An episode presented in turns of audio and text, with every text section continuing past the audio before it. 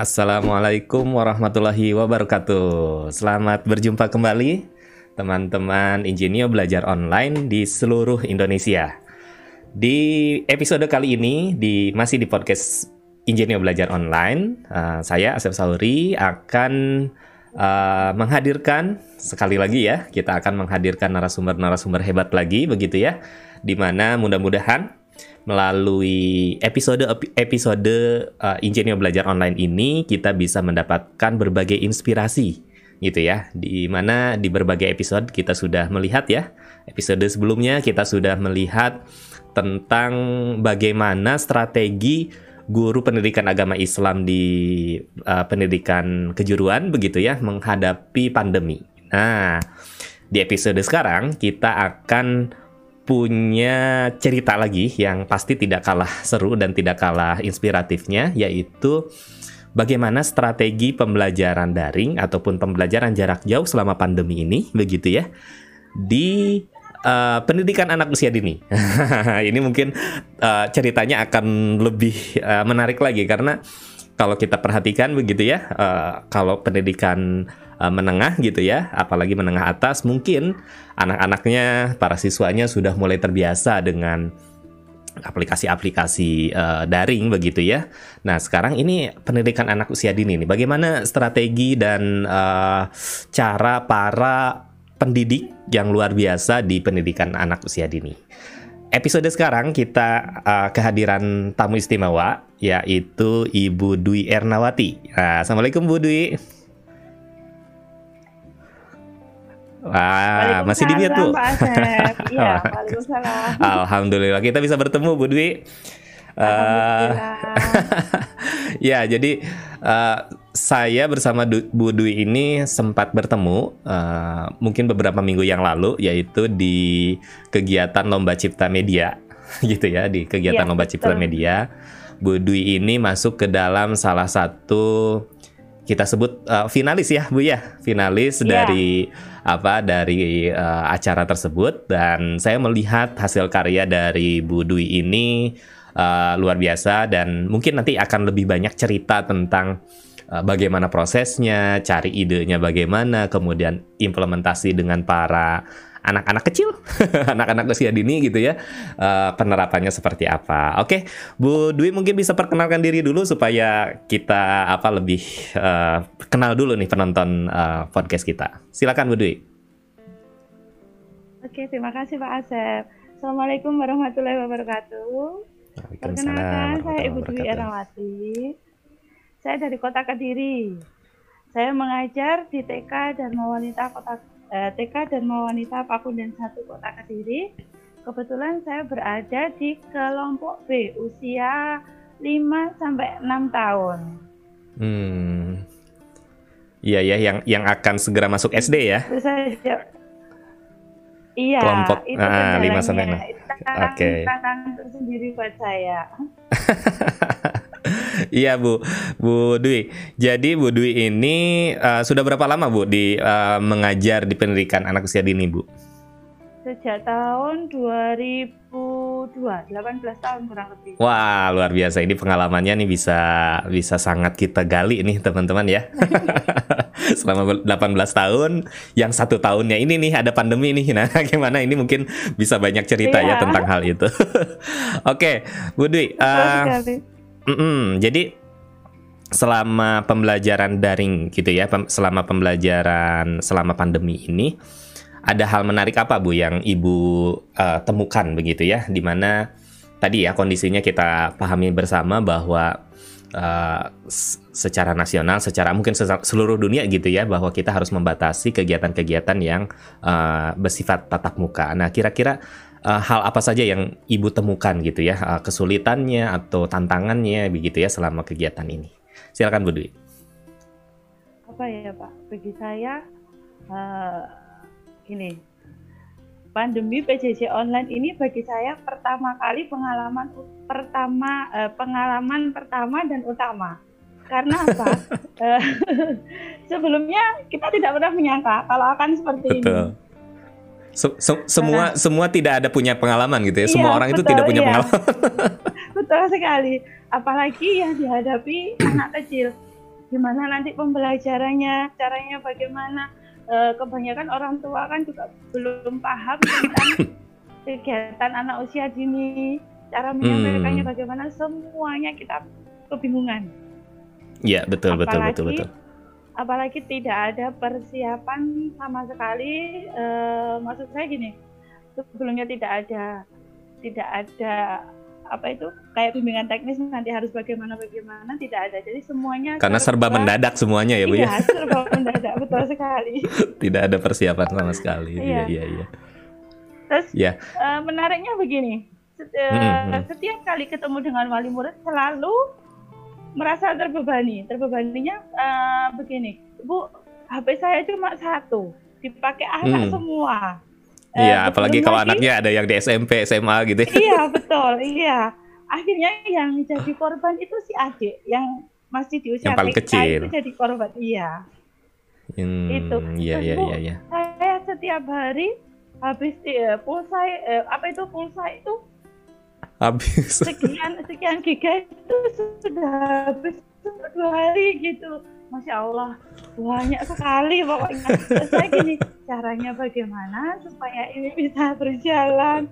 Kasihan uh, juga uh, betul, kan? Betul, betul, Iya, apalagi begini, uh, ada anggapan entah entah kalau di di di daerah Budwi terjadi atau tidak ya. Kalau kalau di kami itu sampai ada anggapan uh, ah ini mumpung anak juga masih pendidikan anak usia dini ya udahlah nggak usah disekolahin udah aja belajar sendiri aja sama orang tuanya begitu jadi sampai ada anggapan seperti itu jadi akhirnya PAUD-PAUD di banyak wilayah di sekitar saya itu akhirnya di tahun ajaran ini tuh agak sedikit tuh uh, apa uh, siswa yang mendaftar gitu karena merasa orang tua itu kan sama aja ini di belajarnya juga di rumah sama saya gitu.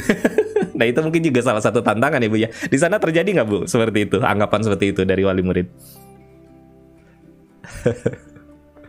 ada Pak, ada. Ini kebetulan siswanya juga menurun banyak yang dulunya 100 hmm, sama ya. 117 120-an.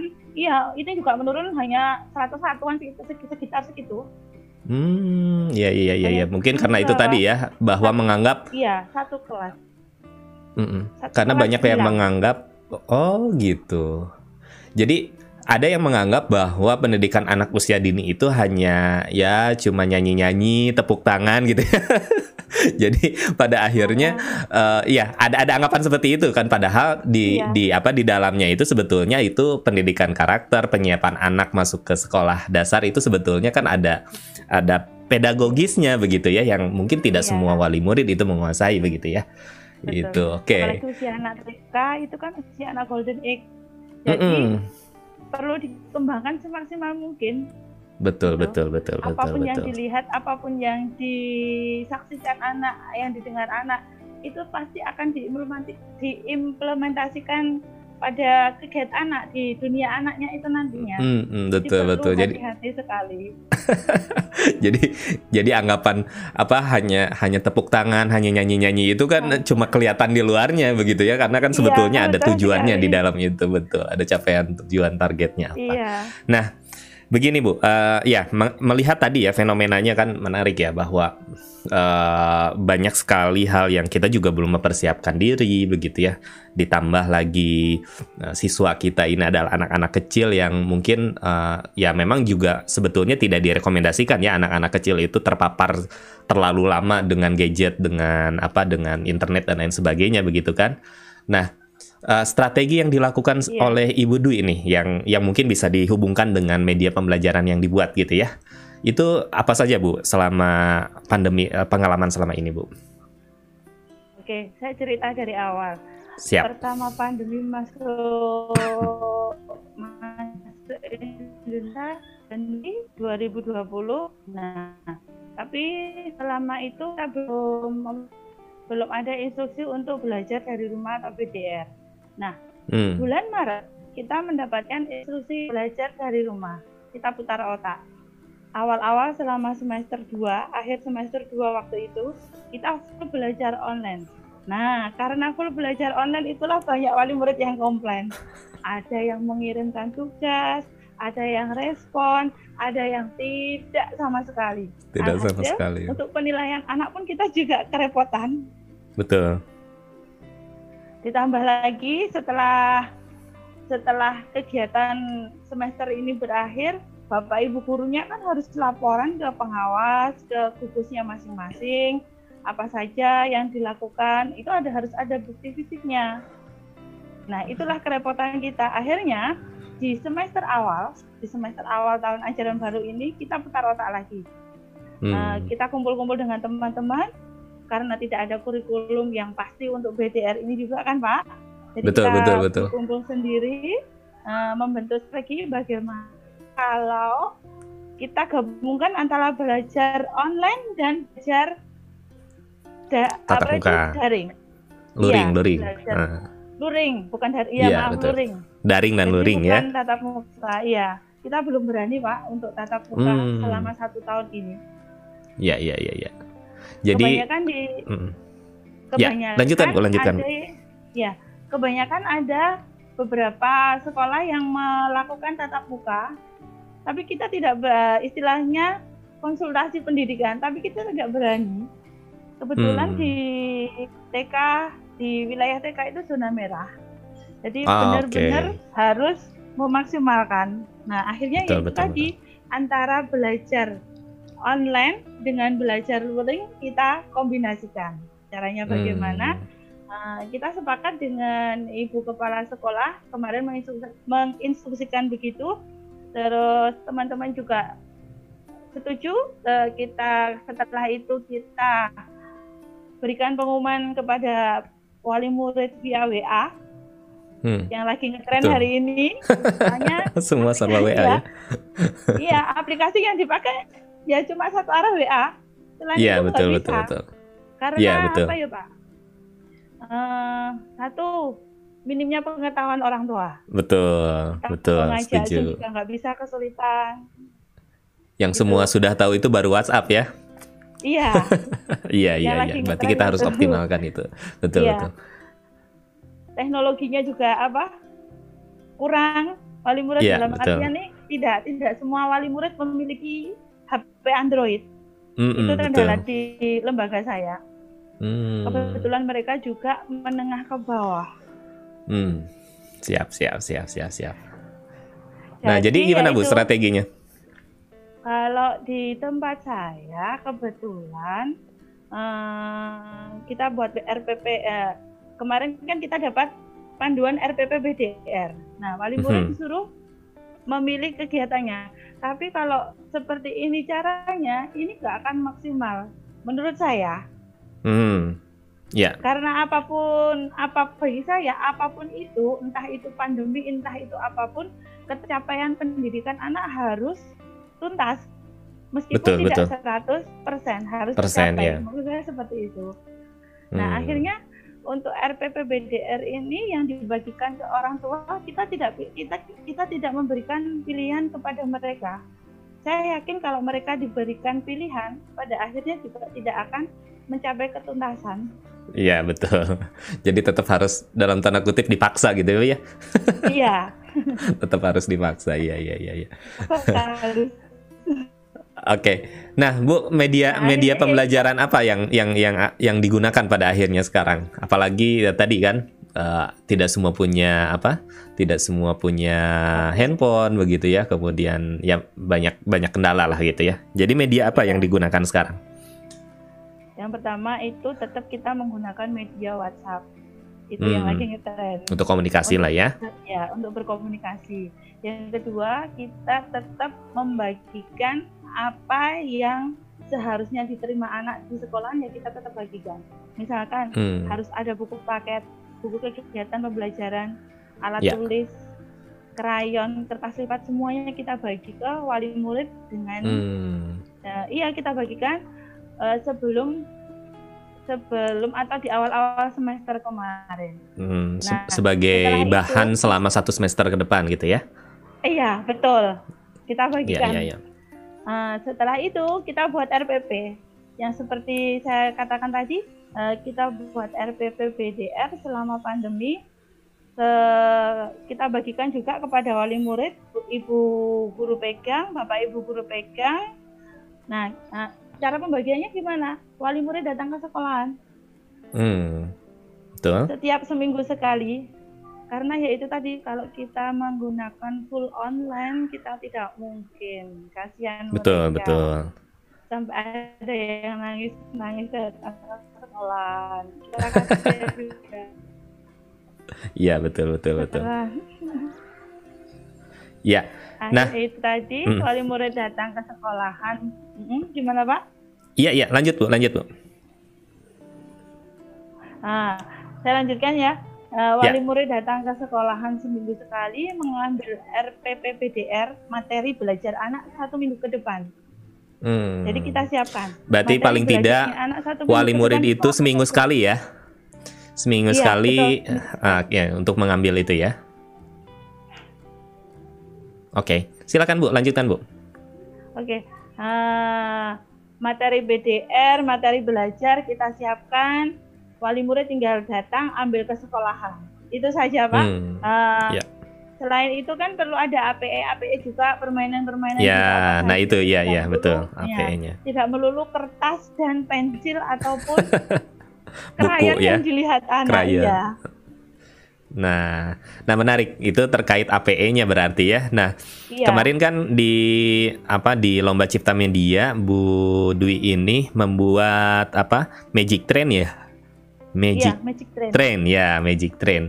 Ini boleh diceritakan Bu, mungkin ini salah satu ya, salah satu APE yang dikembangkan gitu ya supaya uh, siswa pun tidak tadi ya, tidak melulu kertas lipat lagi, krayon lagi gitu ya. Iya. Gimana Bu? Mungkin bisa diceritain Bu. Magic Train ini apa gitu ya? Silahkan. Oke, Magic Train ini awal saya buat Magic Magic Train dulu itu tidak dengan kardus, hmm. tapi dengan botol aqua yang besar besar itu. Uh, tapi saya lihat betul. gini, kok pakai aqua ini kok tidak efektif? Tempatnya kecil mm-hmm. anak-anak juga kurang puas terus tutup botolnya juga kecil-kecil. Akhirnya saya beralih fungsi. Uh, saya lihat di kebanyakan kan wali murid itu di rumah ada yang punya kardus ada yang punya tutup botol yang ini yang apa saja yang ada di rumah. Akhirnya itu saya buat seperti itu. Dan uh, buat seperti itu terus saya perlihatkan ke wali murid pada saat mengambil tugas mereka antusias hmm ya ya ya ya nah terus bagaimana ini ke enam bidang pengembangan ini bisa masuk ke magic train semua ini bagaimana ya itu tadi saya buat hmm. kereta kereta api dari kardus masing-masing hmm. gerbang itu saya beri kegiatan sesuai bidang pengembangannya contohnya kemarin hmm. ada kereta senam, sosial emosional, nilai agama dan moral. Oke. Terus nah, silakan ada silakan. Gerbong, iya, ada gerbong kognitif. Ya. Isinya tentang materi ada kesa dan motorik halus itu hmm. yang kemarin yang saya saya pakai sengaja saya buat seperti itu biar ke enam bidang aspek pengembangan itu biar masuk semua bisa masuk semua. Nah kemudian yeah. Iya. uh, si magic trendnya ini akhirnya itu di bagaimana bu di disampaikannya ke anak didik tadi? Apakah ibu kunjungan ke rumah atau bagaimana bu? Penyampaian saya lewat wali murid. Kita tidak melakukan kunjungan rumah karena kita hmm, zona merah. Iya iya iya. Iya kanan kiri kanan kiri TK itu ada yang positif corona Iya, positif okay. Gitu. Jadi kita benar-benar protek takut sekali. Iya, iya, betul, Bahkan betul, betul. pun nggak berani ke sekolah. Jadi si APE-nya ini digilir gitu atau membuat masing-masing para wali murid? Di, an, dia digilir. Digilir ya? Oh, iya, giliran gitu ya. Sekolah itu kan saya itu kan ada ada empat gerbong ya itu hmm. saya saya pisah-pisah saya oh di rolling ya? iya di rolling. Oke okay. jadi biar biar apa? Biar saling tukar. Saling tukar. Jadi APE-nya dibuat satu karena gerbongnya banyak. Mungkin ini pendengar ataupun penonton podcast belum belum kegambar ya. Ibu bawa nggak medianya? Atau nanti saya tampilin lah ya kalau tidak ada. Ada di bawah nggak bu APE-nya bu HP-nya ada sih Pak, tapi harus bawa dulu saya. Oh harus bawa dulu ya udahlah. Nanti ya. nanti kita perlihatkan fotonya saja ya di videonya ya. Jadi iya iya uh, iya. uh, mungkin Bu Dwi bisa gambarkan. Jadi uh, seperti apa sih Magic Train itu gitu ya? Dari kardus-kardus itu apa? Kemudian uh, di dalam kardusnya itu dibentuk kereta berarti kannya dibentuk iya. gerbong. Yeah. Nah, di tiap gerbongnya itu apa? Mungkin bisa dideskripsikan saja, Bu. Nanti mungkin gambarnya nanti saya coba gambarkan uh, apa sampaikan. Silakan Bu Dwi. Ya. Yang pertama, uh, ini ada gambarnya. Ya uh, nanti nanti saya di apa setelah pas apa pas editing nanti saya okay, munculkan. Siap. Nah, yang pertama itu kan ada apa ya lokomotif. Ya. Tidak mungkin kereta mm -hmm. tanpa lokomotif, ya betul. kan? Nah, betul. di lokomotif itu tidak ada gerbong lokomotif itu tidak ada isinya. Hanya hmm. anak hanya belajar tentang bentuk-bentuk geometri. Ada segitiga, ada setengah lingkaran, ada lingkaran, ada persegi, juga belajar tentang warna. Hmm. Itu kereta yang paling depan sendiri, yang lokomotif. Oh, iya iya iya iya iya. Pure dari barang bekas. Bahkan hmm. untuk monyongnya kereta yang depan sendiri seperti Thomas yang setengah lingkaran yang moncong ke depan itu. Mm -hmm udah pecah ada di rumah itu uh, aku punya rumah itu saya pakai barang-barang yang ada di rumah. iya iya iya iya. Sekaligus inilah ya uh, mendaur ulang ya bu ya. iya. Sekalian mendaur ulang. Iya iya iya. iya. Jadi ada berapa gerbong tadi bu? Uh, ada kognitif, ada lokomotif, gerbong mm -hmm. senam, ya. Tadi yeah. yang sudah saya sebutkan gerbong kognitif, gerbong mm-hmm. bahasa, sama gerbong seni. Hmm, ya, ya, ya, ya, ya, ya. Jadi per gerbong itu khusus per capaian uh, indikator capaian gitu ya, Bu ya. Lalu kemudian ya, bisa bergilir juga ya anak-anak anak. Oke. Okay. Ya. Cara bermainnya bagaimana Bu itu, Bu? Mungkin ya diceritakan saja, dideskripsikan. Oke. Okay. Uh, eh, dari awal mm-hmm. di gerbong senam. Di gerbong senam itu ada uh, gerbong senam maksudnya gerbong sosial, emosional, nilai agama dan moral. Iya. Yeah. Di dalam gerbong itu berisi tentang satu tuh kartu aku tahu kereta api. Hmm. Nah, oke. Okay. Kartu akordeon di situ. Kartu akordeon kartunya memanjang seperti ular. Anak-anak pasti yeah. suka. Betul, betul, panjang. Betul. Kemarin gitu waktu kebetulan saya punya iya kebetulan saya punya anak les kan anak di mm. les di sini saya di rumah juga ada APE-nya mm. itu di rumah juga ada nah yeah. saya kasihkan itu ke anak-anak bu kartunya panjang cara melipatnya gimana nah anak jadi tantang hmm ya ya ya ya di situ di kartu arko uh, di ya di kartu akordeon mengenal kereta api itu anak akan tahu kereta api itu bentuknya seperti apa gunanya untuk apa siapa saja yang bekerja di kereta api, mulai dari masinis, teknisi kereta, uh, yang memberangkatkan kereta, pramugari kereta, semuanya ada. Ya, Terus, ya, ya. Yang ini ya Bu ya? Iya, Akordionnya itu ini ya. Iya. Selain itu, uh, di kartu itu anak-anak juga akan belajar. Kemarin ada PPT-nya, Pak. Oh, uh, ya mungkin nanti saya cari ya. Saya hanya mungkin nanti saya harus cari dulu bu. Oh gitu. PPT-nya ya. saya lupa nyimpan ya. Oke nanti nanti kita tampilkan PPT-nya ya. Oke silakan Oke. lanjutkan bu.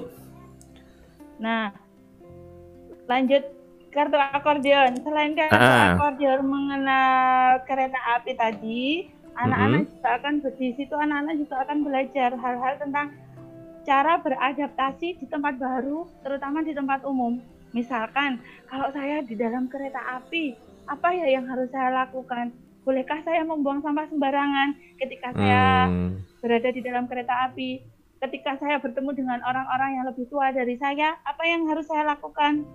Hmm. Protokol kesehatan apa yang eh, yang harus saya lakukan ketika berada di dalam kereta api supaya saya tetap sehat dan tidak terkena virus corona? Iya iya iya. Ya bahkan Belum. muatan muatan tentang apa tentang protokol kesehatan uh, COVID pun masuk di sana ya bu ya iya jadi bisa kita masukkan APE itu iya jadi sebelum APE itu kita bagikan ke wali murid nah pas pada saat wali murid ke sekolahan mengambil RPBDR kita sampaikan cara hmm. gunanya seperti apa kita sampaikan jadi tidak kita mau dibuat mainan seperti apa mau ke tidak tetap kita arahkan wali muridnya iya betul betul betul nah kebetulan di dalam kebetulan di dalam gerbong itu di dalam gerbong senam itu juga tidak tidak hanya kartu akordeon mengenal kereta api saja ada ya. nama-nama yeah. tempat kereta api di seluruh Indonesia hmm. stasiun maksud saya stasiunnya ya ya stasiun-stasiun kereta api di Indonesia saya lengkapi dengan foto-fotonya. Saya saya mm-hmm. saya google saya googling di Google. Ya. terus yeah. ada juga kartu apa ya kemarin? Saya lupa. Ada uh, kartu adegan dan kartu suku kata suku kata ya? Iya kartu suku kata iya kartu suku kata itu anak-anak mengenal suku kata hmm. misalkan ada gambar baju masinis ya itu per suku hmm, katanya yeah. itu dipisah di, dipisah-pisah baju, ya. kereta baju, seperti itu. Kereta, oke. Okay. Iya, iya, iya, iya. Jadi Selain itu ada juga kemar kemarin ya, kalau nggak salah, ya kalau nggak maaf loh Pak. Iya nggak apa-apa, nggak apa-apa Bu. kalau santai aja Bu. iya, kalau nggak salah kartu ini uh, mengenal macam-macam ke kereta api. Jadi hmm. mulai kereta api tradisional yang pakai kayu sampai dengan kereta api teknologi tinggi zaman sekarang ada semua. Ya. Jadi okay. anak-anak wawasannya biar tambah luas. Betul betul betul betul betul. Itu yang uh, gerbong senam ya? Iya. Gerbong senam. Kemudian nih gerbong yang lainnya bu? Gerbong ada seni bahasa ya? Iya, gerbong bahasa. Ini yang kalau bagi saya bahasa ini yang paling penting. Kenapa? Hmm. Dasar dasar untuk anak-anak belajar membaca. Apalagi okay. anak-anak usia lima enam tahun sebentar lagi masuk ke masuk SD. sekolah dasar ya. Iya. Ditambah tidak ada tatap muka sama sekali. Itu yang membuat saya bingung. Makanya ini gerbong paling penting lah gitu ya di gerbong yeah. bahasa gitu ya. Itu permainannya bagaimana yeah. Bu? Ini kayaknya ada board game ulir dan tutup huruf. Iya. Tutup suku kata gitu ya. Tutup Jadi huruf. cara bermainnya gimana Bu? Iya. Itu ada board game board game ulir itu board game ulir itu uh, maksudnya gini, board game ulir itu beris, uh, ten, uh, berbentuk seperti papan, papan mainan. Hmm. Nah, Selain papan, ada juga tutup huruf dan tutup suku kata. Itu su keduanya saling ber apa? Bertautan ber itu loh pak. Apa ya? Uh, ya ya. Nyambung lah gitu ya. Ya ya nyambung betul. Keduanya nyambung. Selain itu juga nyambung di gerbong senam juga tadi. Di gerbong hmm. senam tadi kan ada kartu suku kata ya. Ya betul betul Ya, ada kartu, kartu suku nah, kata betul. Di belak nah, betul. Nah, di balik board game itu, di baliknya board game itu ada gambar-gambar tentang suku kata yang ada di gerbong senam tadi. Misalnya ada gambar baju, baju, ada gambar kereta satu kereta di baliknya ada itu. Nah, cara bermainnya gimana? Eh, maaf, sebelum uh, sebelum cara bermainnya. Selain itu ada board gamenya juga mengenal huruf vokal, mengenal hmm. huruf konsonan sebelum anak-anak ke suku kata. Ke suku kata, iya iya iya iya iya. iya. Jadi yang penekanannya yang vokal sama konsonan vokal sama konsonan itu tadi dulu. Iya iya. iya. Itu kan bentuknya lingkaran-lingkaran gitu ya bu ya. ya itu dari tutup botol atau dari apa itu bu? itu dari tutup botol tutup botol ya. Seru seru seru seru. Oke itu yang gerbong bahasa ya. Terakhir ada gerbong seni. Nah gerbong seni ini gimana bu? Cara gerbong bermainnya bu? oke gerbong seni ini yang meronce meronce ya dari be, dari bekas spidol warna-warni yang sudah habis. Kemudian ada stick es krim dan isi iya, spidol betul. serta tali kur. Iya betul. Gerbong seni ini pure isinya barang bekas semua Hmm. Itu uh, aktivitasnya apa bu? Uh, di, diminta meronce gitu ya atau gimana? Iya, meronce bisa. Uh, itu kan isinya ada uh, alat meronce ya, ada tali. Mm -mm, ada alat meronce, ada, ada talikur, ada stick es krim. Stick es krim juga. Mm -mm, nah, ada alat, spidol juga. Uh, betul. Isi spidol. Isi spidol itu sengaja tidak saya buang. Saya sayang sekali Pak dengan barang-barang bekas. Hmm. Sampai suami saya bilang gini, Bu, ibu di rumah itu apa itu senengannya kok ngumpulnya barang-barang rokokan. Pengepul. Ngepul. Bagus bu itu bu. Jadi sambil berpikir ini kira apa itu capek saya beresin. Sampai berpikir ini bisa digunain untuk apa gitu ya bu ya? Wah, iya, luar biasa iya, nih. ini bisa dicontoh nih teman-teman ya. Jadi uh, semangat untuk mendaur ulang gitu ya sehingga kita bisa yeah. memanfaatkan berbagai barang yang mungkin ya kelihatannya sampah gitu ya atau tidak berguna yeah. tapi ini Bu Dwi luar biasa nih bisa oh ini ada apa ada bekas apa spidol ada tutup botol ada botol dan sebagainya digunakan sebagai media ada APE gitu ya alat permainan edukatif gitu ya Bu ya APE itu alat yeah. permainan edukatif uh, yeah. sebagai media pembelajaran yang menarik nih untuk anak-anak gitu ya karena tadi iya. uh, anak usia dini ini ya pembelajarannya ya apalagi harus dengan bermain gitu ya nggak bisa bermain, anak itu di, disuruh duduk di meja gitu ya mengerjakan mengerjakan buku nggak bisa gitu ya oleh gak karena bisa, itu iya. harus banyak aktivitas bermainnya oke okay. Bu Dwi uh, ini menarik ya tadi yang apa tentang magic train nah biasanya ibu dapat ide-ide seperti ini gitu ya buat APE Magic Train kemudian mungkin juga saya yakin punya APE yang lain ya, punya APE-APE yang lain yang dikembangkan begitu ya. Itu biasanya dapat ide, dapat inspirasi itu dari mana Bu biasanya Bu? Kalau ide saya itu dari anak-anak Pak. Hmm, justru malah anak dari anak-anak ya? Iya betul, dari anak-anak. Selain dari anak-anak, tentunya juga ada dari media sosial. Media sosial hmm. itu berpengaruh sekali. Iya iya iya iya. Hmm. Jadi scroll scroll oh ini ada ide apa yeah. gitu ya kita yeah. modifikasi jadi Terus sesuatu iya, gitu ya betul. iya iya iya betul kemarin betul, itu betul. saya stik es krim itu uh, stik es krim itu justru saya dapat ide itu dari melihat anak-anak bermain hmm. anak-anak bermain itu stiknya itu ada gambarnya ada angkanya cuma hanya untuk latihan apa itu di di kayak di kipas tapi biar melompat. Tapi cara mengipasnya nanti pakai tangan. Itu.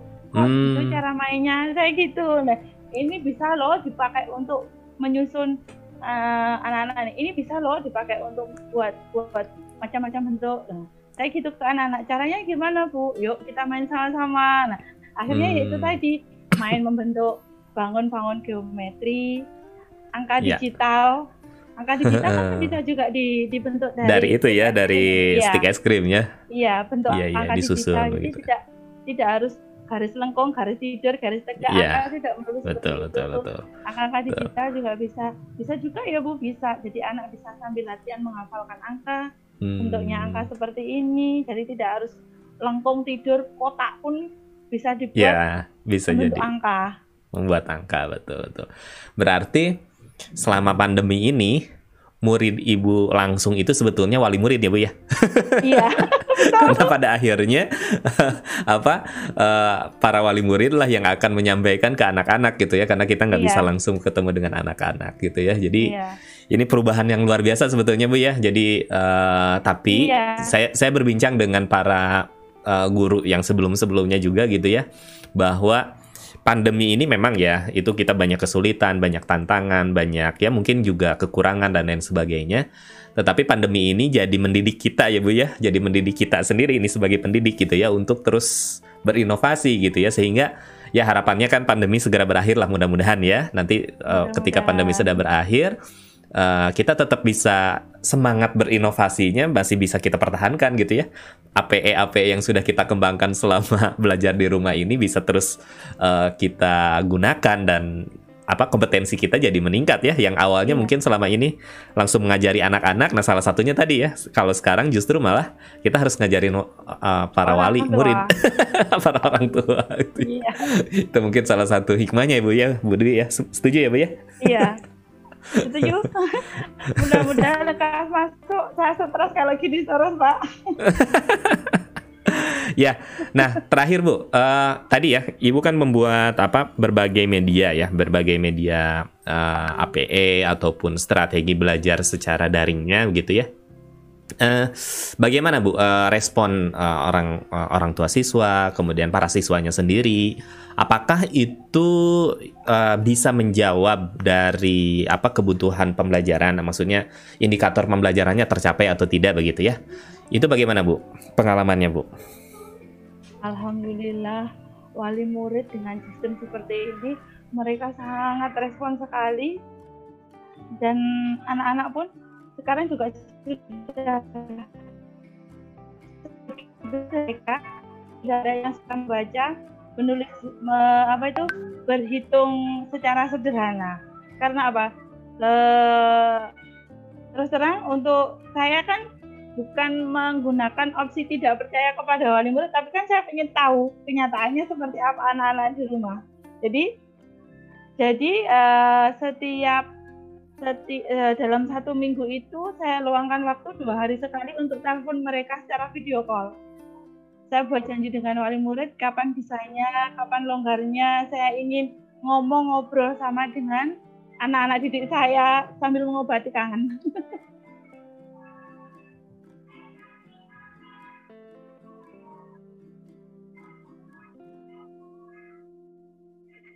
banyak tantangannya tetapi mudah-mudahan ini bisa kita lewati ya Bu ya. Setelah ya, setelah masa pandemi ini kita bisa uh, menghadirkan pembelajaran kembali kepada para siswa yang terbaik lah begitu ya Bu ya. Iya. Oke, Bu Dwi, terima kasih banyak. Ini sesi yang sangat uh, luar biasa. Jadi bahwa uh, kita bisa tetap menghadirkan pembelajaran di kegiatan uh, ya pembelajaran anak usia dini di masa belajar di rumah. Oke, okay, itu saja mungkin Bu Dwi. Terima kasih sekali lagi uh, uh, para pendengar, para penonton podcast Indonesia Belajar Online. Terima kasih banyak. Kita tutup. Wassalamualaikum warahmatullahi wabarakatuh. Waalaikumsalam warahmatullahi wabarakatuh.